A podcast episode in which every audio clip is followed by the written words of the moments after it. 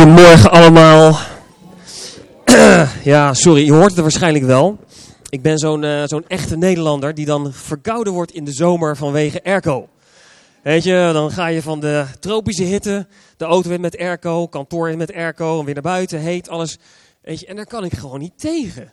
Dus, nou goed, je hoort het al, ik ben een klein beetje verkouden, maar dat moet je maar uh, even proberen zo snel mogelijk te vergeten. Maar dat, uh, dat lukt vast wel. hey, het is echt gewoon nu vakantietijd. Wie van jullie is al op vakantie geweest? Wie van jullie gaat nog op vakantie? Ah, dat zijn er toch meer. Wie gaat er niet op vakantie? Ja, uh, ik heb zo'n zo collega. En uh, dan vraag je aan haar van, hé, hey, waar ga je dit jaar naartoe op vakantie? Dan zegt ze, ja, Balkonië, zegt ze dan. Balkonië, Balkonië, ik, echt, ik, ik wilde het bijna opzoeken. Maar dat is natuurlijk, voor degenen die dat niet hadden begrepen, balkon met een IE erachter. En dan krijg je Balkonië. Het klinkt in elk geval heel exotisch. Weet je, en dat, tegenwoordig kan je het ook heel exotisch inrichten. Maar ja, er zijn inderdaad ook mensen die thuis blijven en zo lekker uitrusten. Nou, wij gaan deze week uh, naar de Pastorsweek als eerste. Dat zijn vijf dagen waar we alle City Life Church pastors bij elkaar zijn. Uh, en dan hebben we een soort ja, retreat. Um, dat, ja, dat is eigenlijk de start van onze vakantie. En daarna zijn we gewoon lekker bij Summer Party. Aanstaande zaterdag. Zondag zijn we hier. En daarna gaan we zelf even op vakantie. Um, maar goed, lekker belangrijk hè. Waar die man uh, naartoe op vakantie gaat. Hey, um, we hebben deze zomerperiode. En eigenlijk elke zomerperiode zeggen we. Het is goed om voor jezelf uh, stil te staan. Uh, ja, in, in zo'n zomerbreak. Laat ik het zomaar zeggen. Ik heb wel eens vaker de term relax en reload gebruikt. Het is belangrijk om voor jezelf echt even tot rust te komen. Maar het is ook belangrijk om jezelf opnieuw op te laden. En te zorgen dat je uh, opnieuw gewoon ja, voeding krijgt. Weet je, geestelijke voeding, maar ook lichamelijke voeding. Om te zorgen dat je weer het tweede helft van het jaar weer helemaal vol met nieuwe energie uh, in kan gaan. En het is altijd belangrijk om dan zo'n moment te nemen en even terug te kijken van hoe ging het eerste half jaar en wat gaan we zo meteen in het tweede half jaar doen. En ook voor City Life Rotterdam hebben we dat natuurlijk gedaan. We hebben weer een seizoen afgesloten. Uh, we gaan in september, je hebt al van gehoord, de Vision Recap Sunday op 1 september. Ik nodig je echt om, uh, uit om daarbij bij te zijn. Maar er zijn ook binnen de, de, ja, de organisatie van City Life Rotterdam hebben we een paar hele leuke stappen zijn we aan het maken. En daar hoor je tegen die tijd en dan, uh, dan heel veel meer over. Maar wij zijn er in elk geval heel enthousiast over. Want je ziet, City Life uh, Church in Nederland groeit. Maar ook City Life Church in Rotterdam groeit. En dat betekent dat we als kerk daar ja, serieus naar moeten kijken. Van hoe gaan we uh, ja, met elkaar het nieuwe seizoen in? En wat is daarvoor nodig? En nou goed, meer informatie daarover. Dat krijg je dan zo aan het begin van het volgende seizoen. Ik ben er in elk geval zelf super enthousiast over. En ik weet ook zeker dat God enthousiast is daarover. Weet je, we zeggen heel vaak als het gaat over een kerk en over mensen die hier komen. Ik geloof dat God mensen toevertrouwt aan andere mensen. God laat niet voor niks mensen hier bij City Life Church Rotterdam binnenstappen. En ik geloof dat dat een signaal is. Een signaal is dat ook misschien ben je nieuw, ben je hier voor de allereerste keer. Weet je, en dat je aan het zoeken bent naar een kerk. En de reden dat je hier bent gekomen vandaag, dat is een signaal dat je mag meenemen wat, wat eigenlijk zegt, dit zou jouw kerk kunnen zijn. En ik geloof dat hetzelfde signaal wordt gegeven aan de mensen die hier City Life Church al hun thuis uh, hebben gemaakt. Er komen nieuwe mensen binnen. En het signaal voor ons is, hey, die nieuwe persoon die binnenkomt, dit zou ook zijn kerk kunnen zijn. En de vraag is dan, wat gaan wij daarmee doen? Wat doen wij daarmee? Met wat God ons wil toevertrouwen. En ik geloof dat we een kerk een thuis mag zijn. Een plek waar je, um, waar je mag thuiskomen en waar je gewoon tot rust kan komen. Waar je mag gaan ontdekken wat, wat God voor je bedoeld heeft. Hoe Hij jou bedoeld heeft. Dat je mag gaan groeien in je relatie met Hem. En ik geloof dat een kerk ontzettend belangrijk daarbij is. Een community van mensen. Ik geloof dat je leven niet alleen moet doen. We zeggen ook niet, niet voor niks heel vaak, life is better together. Ik geloof dat we elkaar nodig hebben. En ook hierover, over dit onderwerp, wil ik vandaag ook iets meer met je delen. Want de titel voor vandaag is Zo kom je de zomer door. Zo kom je de zomer door. Ik bedoel, wat makkelijker kan je meenemen in je zak. En want ik wil niet alleen voor je kijken naar, ja, weet je, allerlei praktische dingen. Ik weet niet of je dat doet. Als je op vakantie gaat, maak je een meeneemlijst. Of je kijkt nog even bij de ANWB, wat moet ik nou allemaal in mijn auto meenemen als ik naar het buitenland rijd. Ik heb dat in elk geval gedaan, zodat ik dat niet in vergis. Dat ik word aangehouden, dat ze dan zeggen, u heeft geen reservewiel in uw auto. Dat is in dit land verplicht en dan krijg je een boete. Dat willen we natuurlijk niet, dus Ik heb me daarin goed voorbereid, maar ook heel belangrijk om jezelf geestelijk goed voor te bereiden. En te kijken van, wat kan ik nou doen in deze zomer om deze zomer door te komen, maar niet alleen door te komen, maar er eigenlijk beter uit te komen. Nou, ik heb een klein lijstje gemaakt um, met tips voor de zomer. En ik bedoel hier het volgende mee: van wat moet je nou meenemen uh, om te zorgen dat je geestelijk uh, er beter uitkomt? Nou, je kent misschien wel dat spel wat je uh, op de basisschool vast wel eens hebt gedaan. Waar je dan zegt: Ik ga op vakantie en ik neem mee. En dan komt nummer 1. En dan zeg je: Ik ga op vakantie en ik neem mee. En dan komt er iets achteraan. En die lijst wordt steeds langer en steeds langer. En de truc is natuurlijk om dat allemaal te kunnen onthouden. Nou, zo'n lange lijst zal ik je niet meegeven.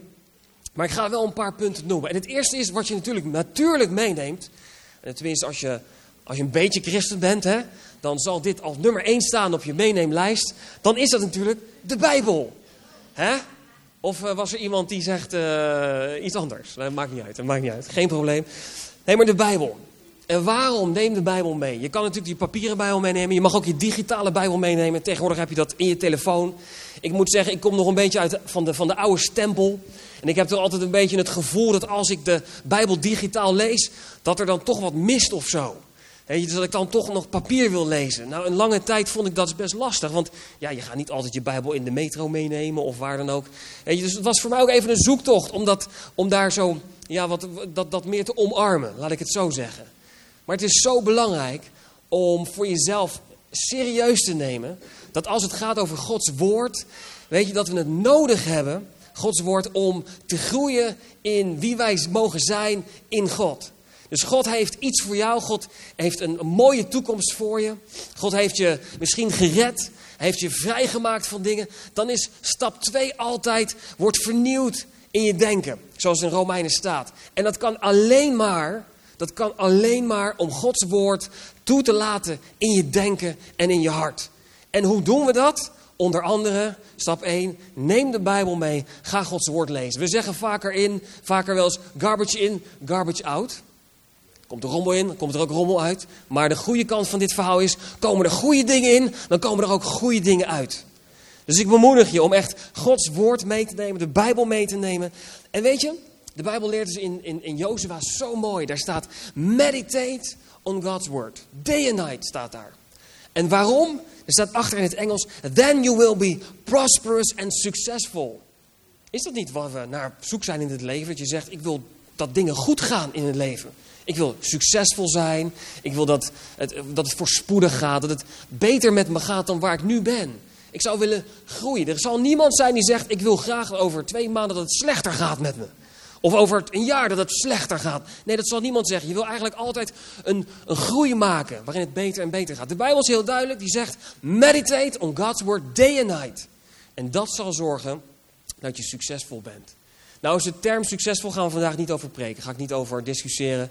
Weet je, maar dat is natuurlijk een ding. En dat we zeggen, wat is nou succes? Sommigen denken dat is heel veel geld. Nee, nee, nee. Succes in Gods koninkrijk is, is wat anders. Dat is echt wat anders. Weet je, het gaat er uiteindelijk om dat jij gaat doen waarvoor je gemaakt bent, waarvoor God je geroepen hebt. En als je dat gaat ontdekken, dan zul je gelukkig zijn.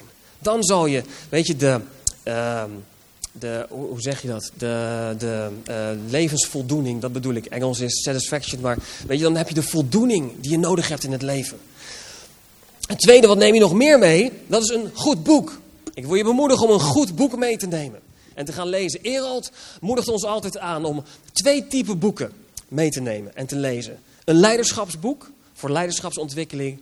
En een boek die persoonlijk gaat over wie jij bent in God. En wie jij mag zijn in Jezus.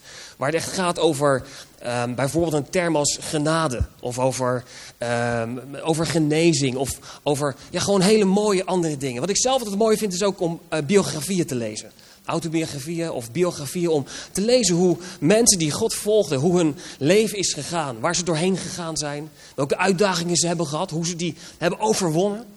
Maar ik moedig je echt aan om dit te doen, omdat het ook je leven zal verrijken. En dit ook aansluit op als het gaat over welke input heb je en wat komt er uiteindelijk weer uit. Dus lees, lees goede boeken. Maar niet alleen dat, neem ook de podcast mee. Neem een podcast mee, luister goede preken. We hebben natuurlijk onze app van City Life Church. Die kan je gebruiken. Maar er zijn nog veel meer veel meer podcasts weet je, die je kan vinden. En ik zal u niet mijn lijstje geven die ik zelf altijd heel graag luister. Als je dat graag zou willen, dan kom je straks even naar me toe. Dan geef ik je een, een lijst van sprekers, weet je, waar ik graag naar luister. Maar het is belangrijk om voor jezelf ook te kijken, wat kan je nog meer doen om, uh, om die input van God, om te zorgen dat je, dat je steeds meer gevuld wordt, ook in je vakantie. Dat je geestelijk sterk wordt. Niet alleen lichamelijk uitrust, maar dat je ook geestelijk sterker en sterker wordt. En neem natuurlijk ook goede worshipmuziek mee. Luister naar goede worshipmuziek. Zodat het echt een sleutel is in je eigen leven om God te aanbidden. God altijd op nummer 1 te zetten. Ik denk dat het heel belangrijk is om dat te doen.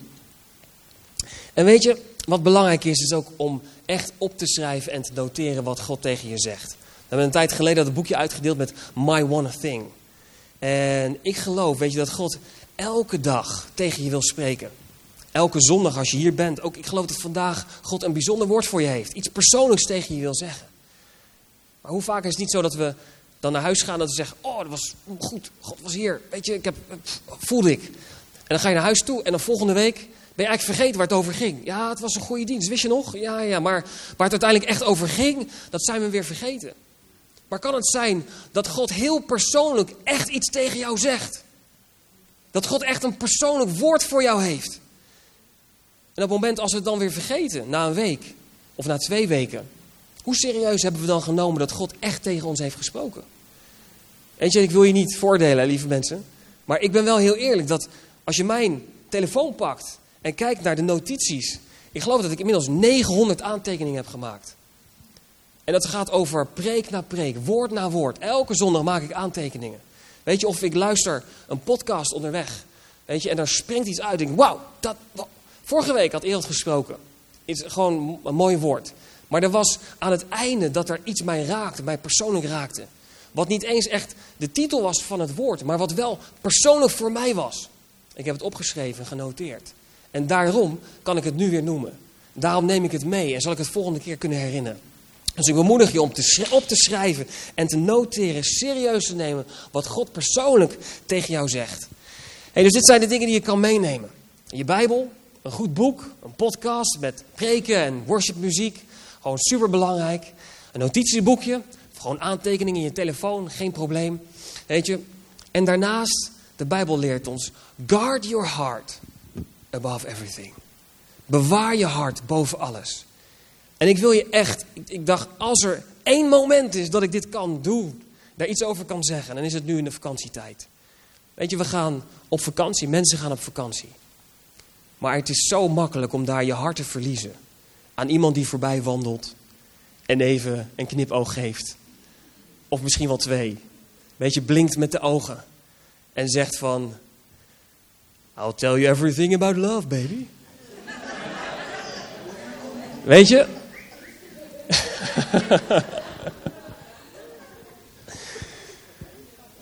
Ik wil eerlijk met je zijn.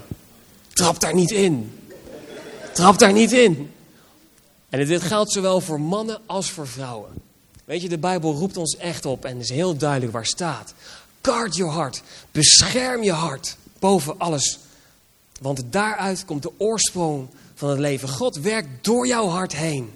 En op het moment als we ons hart weggeven aan de eerste, de beste, die met een paar mooie zwoele woorden iets zegt of weet je, een knipoog geeft. En dat we daar, nee, weet je, wat wij echt adviseren als het gaat over relaties, over mensen die je tegenkomt, is ga gewoon eerst lekker koffie drinken met elkaar.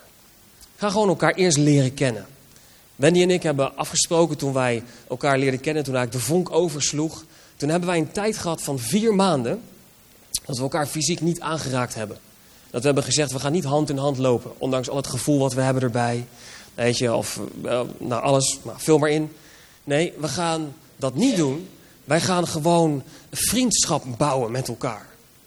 En van daaruit hebben we gezegd, oké, na vier maanden, als het dan nog steeds leuk is. Als ik je dan nog steeds echt gewoon zie als, uh, weet je, iemand waar ik verder mee wil. En alles wat ik inmiddels ontdekt heb van je, vind ik je dan nog steeds leuk. Zonder dat ik je dan heb aangeraakt of zonder dat er andere dingen gebeurd zouden zijn. Is er dan nog een mogelijkheid om te zeggen, wij gaan als goede vrienden uit elkaar. En ik weet dat vandaag de dag normen vervagen. Dingen gaan anders. Maar ik bemoedig je om jezelf zuiver te houden, rein te houden. En serieus te nemen om je te bewaren voor de partner die God voor je heeft. Dus nogmaals, weet je, als het gaat over deze zomer, Younger Freers, City Pointers, everyone, everyone. Weet je, misschien is dit jouw moment, weet je, om naar God te gaan. En ik weet nog, Sia had heel mooi gesproken daar een keer over, ik weet niet eens meer precies waar. Maar de vraag is, waar ontmoet je nou je partner? Waar ontmoet je nou de partner die God voor je heeft? En Siar had ons toen gedeeld, toen zei ze, Siar is de vrouw van Henke, die zei toen, aan het hart van de Vader. Daar ontmoet je je partner. En het kan zijn dat dit jouw zomer is om naar het hart van de Vader te gaan.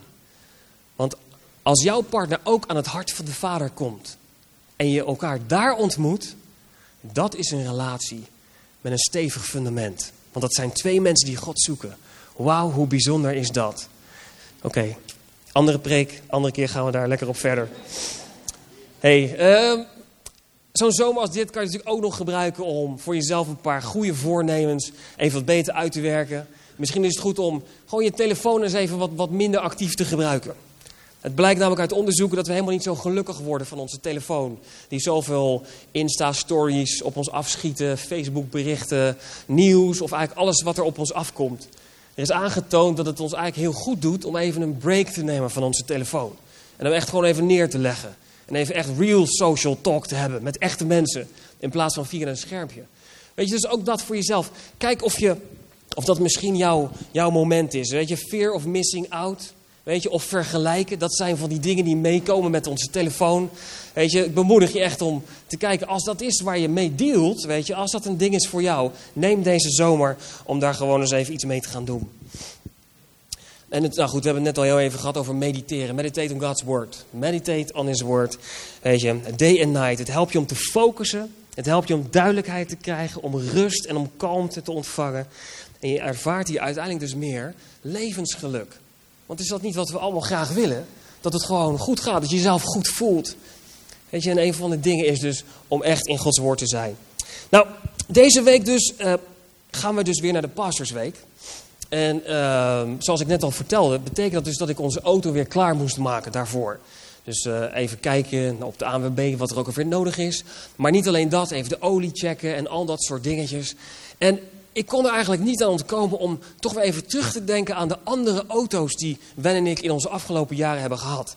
En ik weet dat ik er in het verleden vast wel iets over heb gedeeld, maar wij hebben eigenlijk best wel vaak auto's gekregen.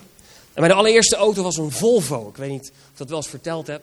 Maar die heb ik toen uh, gekocht voor 70 euro. Dat was echt waar. Een Volvo 340. Knalrood. Lelijk rood was die ook echt. Weet je, de motorkap had een andere kleur rood dan de rest van de auto. Maar ik was dankbaar en blij, jongen. Want ik had die auto nodig om naar Italië te gaan. De auto was echt vet oud. Volgens mij was hij bijna op het moment dat hij uh, werd. Weet je wel. Dat hij dan wegenbelastingvrij was. Maar we zijn met die auto naar Italië geweest en weer terug in Radico in de Ardennen. Stopte de versnellingsbak ermee. En stond je daar met je evangelisatieauto aan de zijkant. En nou goed, uiteindelijk werden opgehaald, dus dat is goed gekomen. Daarna heb ik nog een, een Fiat Tipo gekregen. Van iemand echt gewoon gekregen, lieve mensen, echt waar. En uh, nou, prachtige auto, maar ook die, die, werd, die, uh, die slijten langzaam. En op een gegeven moment was er het moment dat die rem uh, echt gewoon tot aan de bodem ingetrapt moest worden. Maar ja, weet je, zo gaat het gewoon. Hè. Als je hem dan laat maken, kost zoveel geld. Dus zolang als dat het kan, weet je, bleven we hem maar gewoon gebruiken. Dus op een gegeven moment dan ga je ook je rijgedrag erop aanpassen. Ik weet niet of ik dit allemaal hard op moet zetten. Ook voor de, zeggen voor de livestream. Misschien krijg ik nog wel een boete toegestuurd hierna. Maar in elk geval was het echt zo van, oké, daar is het stoplicht. Dan weet ik dat ik nu alvast moet beginnen met remmen. En dan mijn hand aan de handrem. Weet je, dat als er een onverwachte beweging zou zijn van een andere auto, dat ik dat nog kon doen, net op tijd. Maar goed, Uiteindelijk die auto ook naar de sloop toe. Toen hebben we nog een Volkswagen uh, 2, uh, Golf 2 gekregen van iemand. Op een gegeven moment hield hij er echt ook gewoon helemaal mee op. En die is toen opgehaald door een sloopbedrijf. En uh, ik weet nog dat ze hem aankregen aan het einde van de straat. En dat die partij, een partij stonk. Je rook echt helemaal de andere kant van de straat. Weet je, alle olie en lucht en zo. Toen hebben we een Alfa, Romeo 146 gekregen. Ook gekregen, lieve mensen. Ja, uh, sorry, ik kan ook niks aan doen. Maar heel dankbaar mee, echt ontzettend dankbaar. Tot mijn lieve vrouw over een, uh, een zo'n neergeslagen paaltje. Waar je dus ook eigenlijk helemaal niet mag rijden. Maar heen reed. Gelukkig is Wenner op dit moment niet. Toen rezen de, rezen de karterpanden onder vandaan. En toen dus alle olie, alles lekte eruit. En die auto was dus ook ten dode opgeschreven. Dus die moesten we ook achterlaten. Helaas, helaas. Maar toen kwam het grote moment dat we onze eerste echte auto zelf gingen kopen. En dat was een Renault Clio. En daar hadden we ook echt wel een, voor mijn gevoel in elk geval, wel wat serieus bedrag voor neergelegd. Maar die auto, die had ook wel zijn merkwaardigheden. En het begon eigenlijk al dat bij de passagierskant, aan de rechterkant, werd hij altijd regelmatig nat. En of dat nou tot op de dag van vandaag weet nog steeds niet, of dat nou was vanwege de regen, vanwege de, uh, de ruitenwisservloeistof of wat dan ook. Maar regelmatig was het daar wat nat en dat rook je dan ook wel. Maar goed, ik bedoel, de auto rijdt toch? Gewoon dankbaar zijn met wat je hebt. Dus uh, daar reden we mee. En uh, ondertussen werd, was, was Joy volgens mij in die tijd was geboren. Alleen ja, het was een Renault Clio. En uh, ja, we zeggen wel vaker, weet je, dat is echt een evangelistenauto. He, als je alles wat daarboven, het type daarboven, dan gaan mensen zich afvragen, waar betaalt die man dat van? Hoe kan die nou zo'n dure auto hebben he, van zijn voorgangers salaris? Nou goed, nee. En alles wat kleiner is, dat is dan toch wel zielig. Hè? Dus zo. Maar deze Renault Clio had geen achterdeur. Dus wij moesten altijd via de voorkant daarachter. Hè? En de, de, de, kinderwagen die paste ook gewoon niet in de achterbak. Dus op het moment als we ergens naartoe moesten, dan zag je natuurlijk al voor je hoe dat ging. Wendy moest achterin zitten met Joy daarnaast. En voorin kwam dus de kinderwagen naast mij en ik mocht dan natuurlijk rijden. Dus zo op deze manier moesten wij ons steeds bewegen naar waar we dan ook naartoe gingen. En toen was het moment dat onze auto ja, gebruikt wordt. En ik denk dat we het allemaal wel herkennen. Je hebt een auto en soms is die te mooi om te gebruiken. En zou je hem het liefst wel in een soort porseleinen kast willen stoppen. Zo van, hij is zo mooi, moet je niet aankomen. Maar we weten allemaal dat dat zo niet werkt. Weet je, je hebt ook wel eens van die telefoons. Hè? Je hebt zo'n zo'n iPhone of een Android toestel. En dat daar zo'n dikke bescherming omheen gaat. Dat je dan wel eens het gevoel hebt van, volgens mij is dat nooit de bedoeling geweest van de maker van de telefoon. Het gaat uiteindelijk om dat je hem ook echt gebruikt. Dat je het optimaal kunt gebruiken. Het is niet voor niks dat de telefoon zo licht is. Dat is met auto's ook zo. Auto's moet je gewoon gebruiken. En onze auto, en ik maak het verhaal, ik rond het af, want ik hoor al dat het erg veel gaat over onze Clio. Maar in de slijtageperiode van de, van de tijd dat we deze auto hadden, gingen er steeds meer dingen mis. Steeds meer dingen. En het begon al met de raam van de passagierskant. Die zat gewoon vast, ging niet meer open. Dat is vervelend. Nou, valt mee, denk je misschien, totdat het zomer wordt. Als het dan heet is, en heet wordt in de auto, er is geen airco, alleen maar gewoon normale lucht en je kan het raam niet open doen. Hoe vervelend is dat? Nou, en zo gingen er steeds meer dingen kapot. Dus op een gegeven moment werkte ook de blower niet meer. Die ging dan soms wel aan, soms niet aan. En op een gegeven moment was het zelf zo dat, uh, oh ja, de stoel van de bestuurder, die ging helemaal niet naar voren. Dus het enige wat je kon doen was aan de andere kant instappen. Nou ja, dat. En op een gegeven moment was het zelfs dat aan de bestuurderskant het raam, was, de kabel was gebroken en die, dat raam viel gewoon in de deur. Heel vervelend natuurlijk. Dus wat ik deed was met tape had ik het raam omhoog getrokken. En had ik hem met tape in de hoek vastgeplakt zo om de deur heen, zodat hij dicht bleef. En mensen die onze auto hebben gezien in die tijd, die zullen dat misschien nog wel herinneren. Maar ja, weet je, je moet toch wat om te zorgen dat je kan blijven rijden met de auto. En er komt zo'n moment, en dat herken je misschien wel, dat je je afvraagt, is het het nog waard om te investeren in de auto om te zorgen dat het gemaakt wordt? Is het nog waard om dat raam te laten maken? Of een nieuwe deur in te zetten? Of weet je, te gaan werken aan uh, weet je, de lekkage, dat te laten opzoeken? En zo hebben we dat waarschijnlijk allemaal wel, dat je dat meemaakt uh, met een auto of met iets anders. En wij hebben er dus voor gekozen in die tijd om steeds een auto gewoon op te rijden. Net zolang tot hij het echt niet meer doet, dan gaat hij naar de sloop en dan kopen we iets anders. Maar weet je, en nu gaan we, je vraagt je natuurlijk al af, waar is de Bijbel? Waar is Jezus in dit alles? Het gaat alleen maar over Clio's. Ik loop nu weg. Nee, blijf nog even zitten, want ik wil hier de switch maken naar dat het heel vaak in ons leven, hier, uh, dat je hier een vergelijking kunt maken. Weet je, dat in ons leven, dat er dingen gebeuren. Wij leven gewoon en er gaan wel eens dingen kapot. Een spiegel valt van je auto, een raam gaat kapot, misschien een verstellingsbak. En ook zo in ons leven zijn er dingen gewoon, omdat we leven, gebeuren er dingen. We worden wel eens geraakt door iets, iets zal ons pijn kunnen doen. Of we maken iets mee wat we niet hadden verwacht. Weet je? En het ding is dat we kunnen ervoor kiezen om een auto helemaal op te rijden, helemaal kapot. Maar met jouw leven kan dat niet. Want je hebt maar één leven. Je hebt maar één lichaam. Je hebt maar één ziel, je hebt maar één hart. En daarom is het zo belangrijk om hier heel serieus naar te kijken. Het niet maar op zijn beloop te laten, maar dit te omarmen en te zeggen: Oké, Heer, wat wilt u zeggen en wat, wat is dan uw weg? Wat is uw doel hierin? Nou, er staat een verhaal in de Bijbel wat hier zo volgens mij naadloos op aansluit. En ik wil dat met je delen. Ik wil dat, wil dat noemen. Ehm, maar ik wil eerst nog even kort bidden. Lieve Jezus, dank u voor vandaag. En voordat ik in uw woord lees, ik zie dat het keyboard al opkomt, maar ik heb nog 10 minuten hier. Dus, uh, guys, oh sorry. Oké, geef niet. Maar je mag wel spelen trouwens, meer salving. Het is meer salving. En sowieso, Fred is, uh, oh, wauw. Heerlijk. Heer, in de komende 10 minuten die ik nog heb, dat zijn er niet veel. Maar het gaat lukken, want ik weet hier dat u spreekt. Heer, ik wil bidden, Heer, dat we ons hart openen om te ontvangen wat u wil spreken in Jezus' naam. En ik bid, Heer, dat uh, voor iedereen, niemand uitgezonderd. Heer, dat er een woord zal zijn van herkenning. En Heer, een woord zal zijn voor doorbraak in de naam van Jezus. Heer, u bent zo goed, Heer. U houdt van ons. En u weet, Heer, ons seizoen, u weet waar we doorheen gaan, de uitdagingen die we hebben. En ik geloof, Heer, dat u altijd tegen ons wil spreken en ons altijd wil bemoedigen. En dat spreek ik ook uit op dit moment. Heilige Geest, doe uw werk.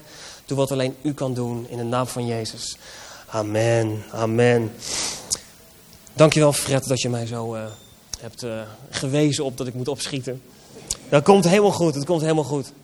Ik wil een, uh, een stukje lezen in de Bijbel. En het is niet een nieuw stuk. Je kent het waarschijnlijk wel. Het gaat over het verhaal van de man die al 38 jaar ziek was en bij Bethesda lag.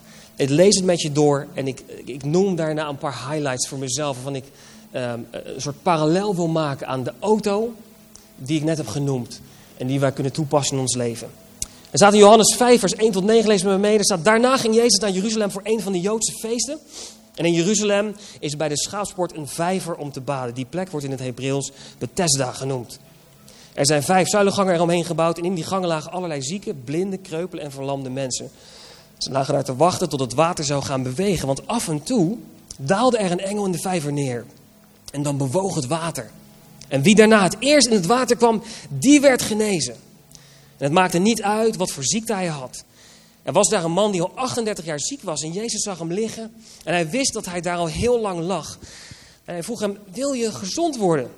De zieke man antwoordde hem, Heer, ik heb niemand om me in de vijver te gooien als het water beweegt. En als ik probeer om bij de vijver te komen, is iemand anders er altijd eerder dan ik.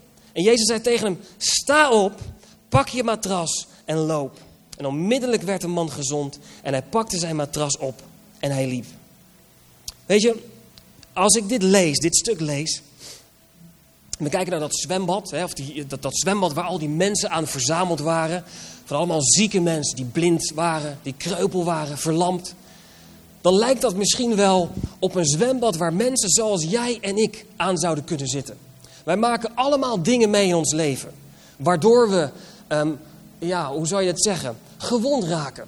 Waardoor we misschien pijn gedaan zijn. Of dat er een situatie is waar je niet doorheen komt. Of vul maar in. We maken allemaal dingen mee in ons leven. Gewoon situaties. Je snapt wel wat ik bedoel. En het lijkt erop dat dit, dit zwembad, waar al deze mensen omheen zaten, dat zouden misschien jij en ik wel kunnen zijn. Dat we daar zitten met onze dingen die we meemaken. En dat we naar elkaar kijken, dat we op zoek zijn naar antwoorden in ons leven. Naar antwoorden van, ja, waar, waar moet ik nou naartoe? Heer, wat is nou de weg die u voor me heeft? Waarom heb ik dit meegemaakt? Waarom ga ik hier doorheen? En dan ineens is daar dat moment dat je hebt gehoord van, en in dit geval, dat zwembad Bethesda. Waar al die mensen zich verzamelen. Want één keer in de zoveel tijd is daar een engel die dat water beweegt. En degene die dan als eerste in dat water springt, die is dan degene die genezen wordt. En misschien ken je dat wel. Dat je op zoek bent naar antwoorden van God in jouw leven. Dat je hebt gehoord van iets of iemand, van iets wat werkt. En dat je daar ook naartoe gaat, daar je leven misschien ook op inricht. Deze man, die had zijn woonplaats gemaakt van dat gebied daar. Had zijn leven erop ingericht, want any moment kon die engel daar zijn. Kan het zo zijn dat wij soms in ons leven ons te veel richten op de problemen die we hebben? Dat we ons leven aanpassen op de problemen die we hebben, in plaats van dat we ons leven richten op het doel wat God voor ons heeft. Als we dit hier goed lezen, dan kan het zijn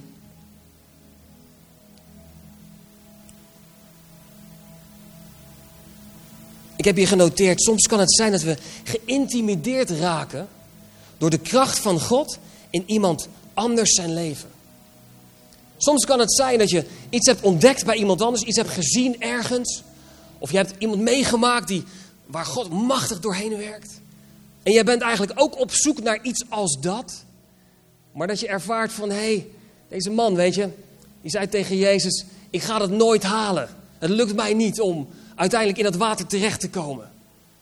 Soms kan het ook zijn in ons leven dat we geïntimideerd raken door het wonder wat in iemand anders leven is gebeurd, wat je nog niet hebt gezien in jouw leven. En waardoor je denkt, hé, hey, bij hem gebeurt het wel, bij mij gebeurt het niet. Misschien is het wel niet voor mij. Misschien is het wel niet dat God van me houdt. Misschien is er iets anders. Misschien vul maar in. Kan het zijn in dit als antwoord dat God een ander plan voor jou heeft? Dat God een eigen plan voor jou heeft. Weet je, Jezus vroeg op een gegeven moment aan die man: Wilt u genezen worden? Nou, Jezus, die weet alles. Dus de vraag is eigenlijk: wilde Jezus dat nou echt weten? Of kan het zijn dat hij die man de vraag stelde, zodat die man even opnieuw ging nadenken: Wat wil ik eigenlijk? Want soms kan het zijn dat je comfortabel bent geworden in je gebrokenheid. Dat jouw jou, jou, jouw tekortkoming. Dus als het gaat over onze, onze Clio, waarbij het raam gewoon naar beneden viel, dat raam ging niet meer open, dat we comfortabel zijn geworden in dat, in alle gebreken. En dat we op die manier proberen verder te leven. Maar kan het ook zijn dat God iets anders voor je heeft? Dat hij zegt, hé, hey, ik wil dat raam voor je maken. Ik wil die spiegel voor je maken. Ik wil, weet je, de, de, de, de motor van je auto maken. Soms kan het zijn dat we in de comfort blijven van onze gebrokenheid. En daardoor niet uitstappen. Want weet je, het gekke is, hè, op het moment als je verandert, dat betekent dat je iets moet loslaten. En als je iets moet loslaten, is dat verlies. En verlies is pijn. Oh nee. Dus het kan zijn dat we soms vasthouden aan dingen die eigenlijk helemaal niet goed voor je zijn, maar wel comfortabel voelen. En dat het nieuwe van God, dat we daarop wachten en het buiten de deur houden, omdat het nieuw is. En omdat we het oude moeten loslaten. Maar ik geloof dat dit misschien wel jouw antwoord kan zijn. Soms kan een excuus zijn om niet te veranderen en anderen de schuld te geven. Een externe factor. Deze man die zei, ik heb geen andere mensen die mij in dat water kunnen brengen. Kan het zijn dat we, weet je, als het gaat over gebrokenheid, over wat God in jouw leven wil doen, dat we externe factoren de schuld geven om niet te veranderen. Weet je, als ik nou maar een goede connectgroep had, als ik nou maar goede vrienden had om mij te helpen, als de voorganger nou maar beter sprak, dan was er misschien een doorbraak. Als de worship maar beter was in de kerk, als ik maar meer geld had, als ik maar een baan had, Allerlei excuses van externe factoren. Die kunnen maken dat je blijft waar je bent. En in plaats van je uit te strekken en te gaan naar dat wonder wat God voor je heeft. Soms kan het zijn dat we ons neerleggen bij een situatie van nou dit is nou eenmaal zoals het is. Deze man die zei zo duidelijk hier ook tegen Jezus. Hij zei als ik probeer om bij de vijver te komen is er altijd wel iemand anders eerder dan ik. Soms kan het zijn dat in de gebrokenheid waar je bent, in de kapotte ramen, weet je, gewoon dingen die je hebt meegemaakt, dat je het accepteert en dit is het nou eenmaal. Weet je, ik geloof wel dat het goed is om vanuit je situatie, daar hebben we het vorige keer over gehad, te zorgen dat je niet te veel weerstand daartegen hebt. Dat kost al je energie. Nee, vanuit zoals je hier bent, vanuit je gebrokenheid, uit te strekken naar de toekomst die God voor je heeft. En van daaruit genezing te gaan ontvangen. En de werkelijkheid van God in je leven. En weet je, en dit is voor mij de allerbelangrijkste die ik met je wil delen. Soms kan het zijn, en ik quote hem hier voor mezelf zoals ik hem heb genoteerd. Soms kun je afgeleid raken in een formule of in een structuur. Deze man lag hier zo um, aan dat zwembad. Aan het kijken naar dat water, totdat er weer een engel zou komen. En dan eigenlijk in de hoop van, is het toevallig dat ik dan als eerste daar ben? Daar ben. Dat ik er dan mijn genezing kan pakken. Soms kan het zijn dat wij in ons leven zo gefocust zijn op een structuur. Dat we hebben gezien hoe God iemand heeft genezen. Dat we zien wat de weg is geweest van iemand anders om ergens doorheen te komen en ergens vrij van te komen. Dat we missen wie we uiteindelijk werkelijk moeten ontmoeten. En dat is Jezus. Soms kan het zijn dat we zo vast raken in patronen of in structuren. Maar weet je, Jezus was degene in de Bijbel, als we het goed lezen in de Evangelie. Hij genas bijna niemand op dezelfde manier. De ene keer was het gewoon met een woord. De andere keer smeerde hij modder in iemands ogen.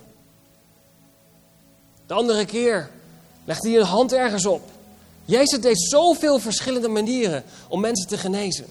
En misschien kan het zijn dat God dat zo bewust doet. En dat God zegt, ja maar wacht even. Ik ben niet te vangen in een formule. Je kunt alleen bij mij in relatie komen. En dat is wat hier gebeurde. Want Jezus wist dat deze man het niet zou redden. Dat hij het nooit zou halen. Om in dat zwembad te komen op tijd. Want er waren altijd wel mensen. Hij was kreupel, was verlamd. Er zijn altijd wel mensen die dan wel, net weer wel kunnen lopen. En ik geloof dat ook voor vandaag, misschien is dit jouw dag. Dat je mag afstappen van een structuur of een formule waar je naar op zoek was. Maar dat je Jezus zelf mag ontmoeten. Want Jezus kwam naast, naast die man staan. En hij zei tegen hem: Sta op en loop. Sta op en loop. Jezus kent jouw situatie. Het enige wat deze man echt nodig had, was een ontmoeting met degene die uiteindelijk dat water in beweging zou gaan brengen. Maar ook daar, dat was een formule en het werkte voor sommige mensen. Maar voor deze man werkte het niet. En zo kan het ook voor jou zijn. Dat je andere mensen hebt gezien hoe ze een wonder ontvangen. Dat je andere mensen hebt gezien hoe zij weet je, voordeel hebben gehaald. Of hoe, hoe ze mooi God door hun heen werkt. Maar de vraag is, is dat ook de manier hoe God jou wil aanraken? Want ik geloof dat God niet te vangen is in een formule. Maar dat Jezus persoonlijk bij je wil zijn. Naast je wil staan. En precies je wil geven en wil helpen in de situatie waar jij doorheen gaat. Hey, zullen we gaan staan?